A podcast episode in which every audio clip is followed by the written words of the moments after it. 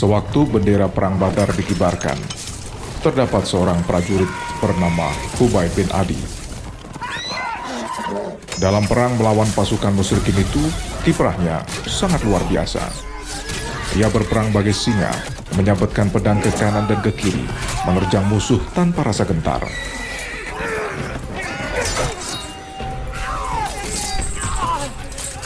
Salah seorang di antara pasukan musyrik yang berdiri menghadangnya adalah Al-Harits bin Amir bin Naufal. Kedua orang itu lalu terlibat adu pedang yang sangat mencengangkan banyak orang.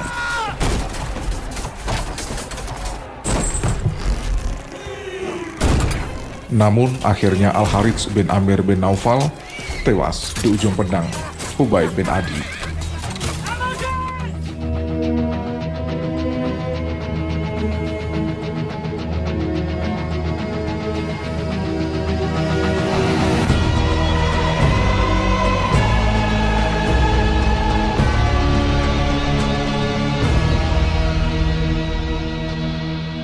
Setelah pertempuran selesai dan sisa-sisa pasukan Quraisy yang kalah kembali ke Mekah, taulah Bani Harits siapa yang telah menewaskan pemimpin dan bapak mereka yang selama ini sangat dihormati. Bani Harits menghafalkan dengan baik nama orang yang telah menewaskan junjungannya dalam Perang Badar, Hubaib bin Adi.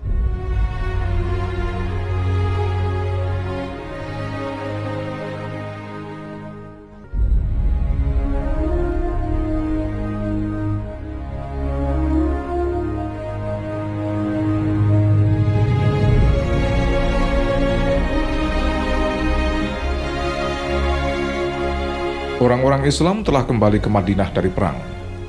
Mereka lalu meneruskan pembinaan mental masyarakat dengan ajaran Islam. Ubaib semakin taat beribadat dan menghadap Allah dengan sepenuh hati.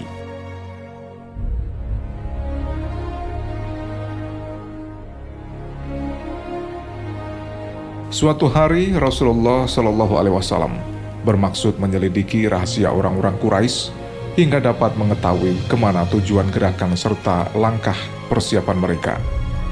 Karena terdengar kabar kaum musyrikin menyiapkan rencana perang yang baru untuk membalas dendam.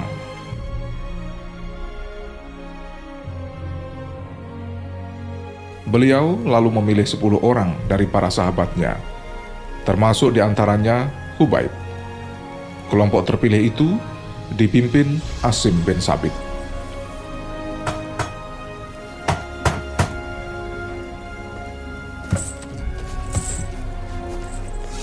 Pasukan penyelidik itu akhirnya berangkat hingga sampai di suatu tempat antara Usfan dan Mekah. Rupanya gerakan mereka tercium oleh orang-orang dari kampung Hudzair yang didiami suku Bani Hayyan.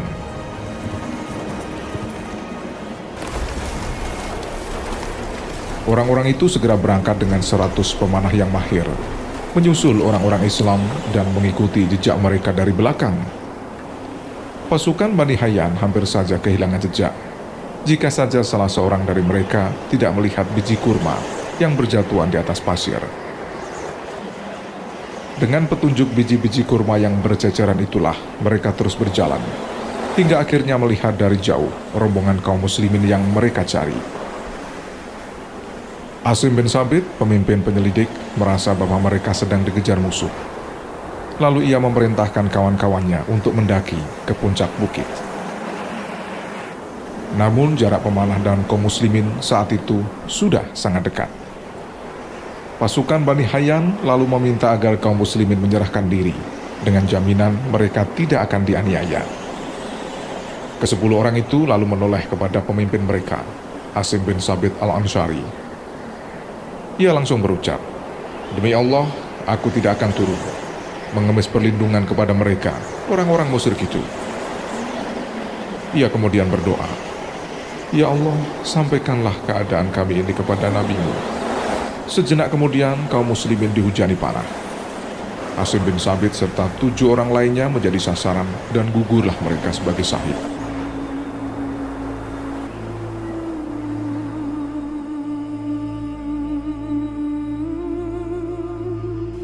Orang-orang Bani Hayyan meminta agar yang masih hidup segera turun dan tetap akan dijamin keselamatannya. Maka turunlah tiga orang yang tersisa, yaitu Kubai bin Adi serta dua orang sahabatnya. Tangan ketiganya diikat. Dua teman Hubaib melihat hal itu sebagai awal pengkhianatan janji Bani Hayyan. Lalu ia memutuskan mati syahid dengan cara menyerang salah satu pasukan Bani Hayyan itu.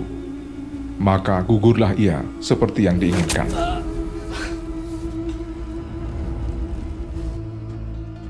Hubaib dan seorang temannya bernama Zaid dibawa oleh para pemanah ke Mekah. Nama Hubaib lalu menggema dan tersiar ke telinga orang banyak.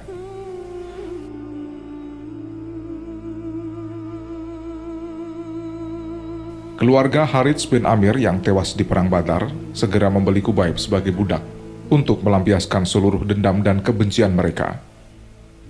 Mereka langsung merundingkan siksaan yang akan dilakukan kepada Kubaib untuk memuaskan dendam dan kemarahan, bukan saja terhadapnya, tapi juga seluruh kaum muslimin. Pada saat yang sama, golongan musyrik lainnya sebenarnya telah membunuh teman Kubaib, Zaid bin Ditsinah, dengan cara yang sangat keji, yakni menusuk bagian belakang tubuhnya hingga tembus ke kepala.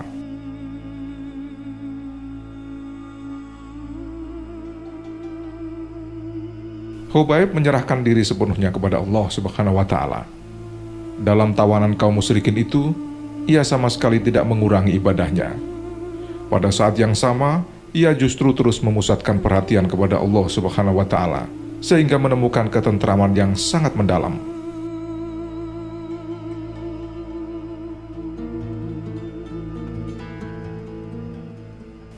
Suatu kali salah seorang putri Harits datang menjenguk ke tempat tahanan Kubaib. Tiba-tiba ia meninggalkan tempat itu sambil berkata pada setiap orang yang ditemui. Demi Allah, saya melihat Kubaib menggenggam setangkai besar anggur sambil memakannya, sementara tangannya dirantai Padahal siapa pun tahu, di Mekah tidak ada sebiji anggur. Saya kira itu adalah rizki yang diberikan Allah kepada Hubaib.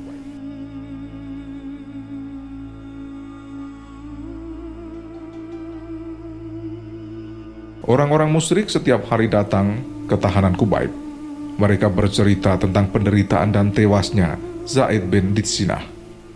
Mereka mengira dengan cara itu Kubaib akan gentar sehingga bujukan dan janji pembebasan Hubaib akan berhasil seandainya ia mampu mengingkari Muhammad sebagai nabi. Tapi upaya itu sia-sia. Cara apa pun yang dilakukan ditolak Hubaib, termasuk dengan menyiksanya dengan cara menusuknya dengan besi panas, dilemparkan ke atas pasir, lalu menariknya dengan kuda.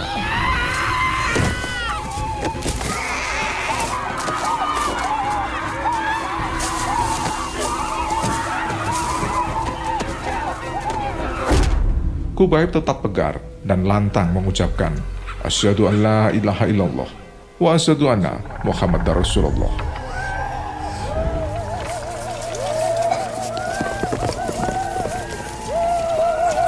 Kaum musyrikin akhirnya menyeret Kubaib bin Adi ke suatu tempat bernama Tanim. Mereka telah menyiapkan tiang salib dari batang kurma. Sebelum hukuman mati dilaksanakan, Kubaid meminta izin kepada para Al-Guju untuk sholat warkaat. Mereka mengizinkan karena menyangka setelah itu Kubaib akan menyerah dan menyatakan keingkarannya kepada Allah dan Rasulnya.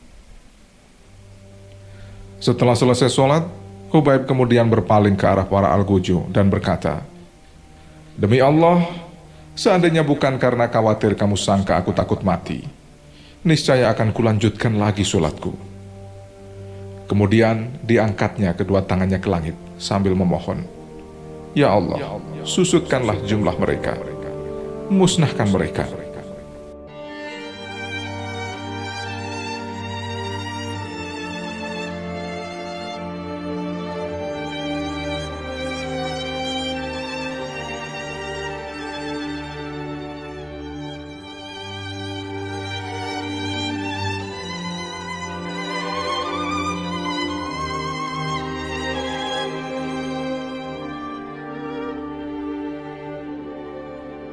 Ia lalu memandang pada semua orang yang hadir untuk menyaksikan kematiannya dan berkata, Mati bagiku tidak menjadi masalah, asalkan ada dalam ridho dan rahmat Allah Subhanahu wa Ta'ala.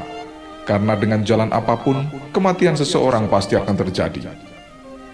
Asalkan kerinduan kepadanya terpenuhi, kuserahkan semua kepadanya, sesuai dengan takdir dan kehendak Allah Subhanahu wa Ta'ala. Semoga rahmat dan berkah Allah tercurah pada setiap sobaikan daging dan tetesan darahku.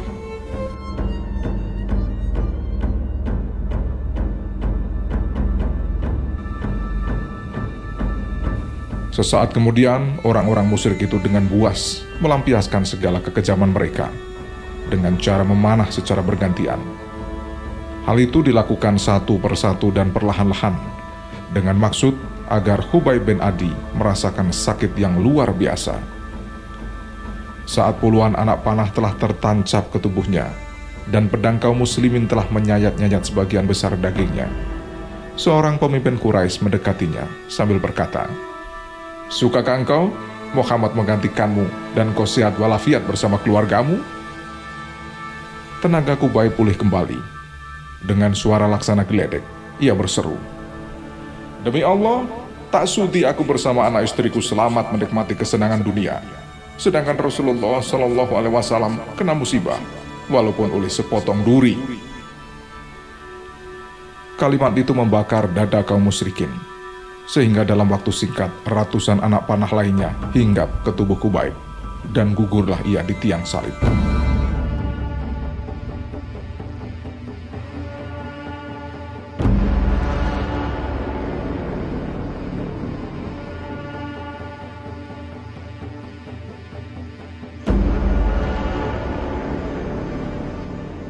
Dalam sejarah bangsa Arab, saat itulah pertama kali mereka menyalib seorang laki-laki kemudian membunuhnya di atas tiang salib.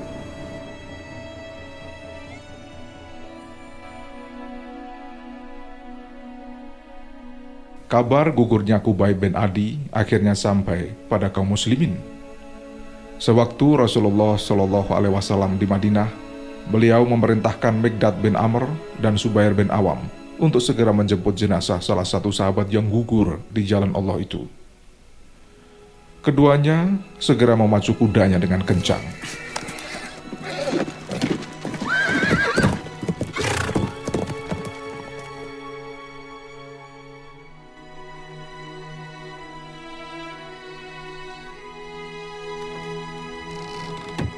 Dengan petunjuk Allah, sampailah mereka ke tempat di mana Kubai gugur. Mereka lalu menurunkan jenazah Kubai. Megdad dan Zubair membawanya ke suatu tempat, lalu menguburkan Kubaib dengan tanah yang telah menunggunya untuk memeluk dan menutupinya dengan penuh berkah.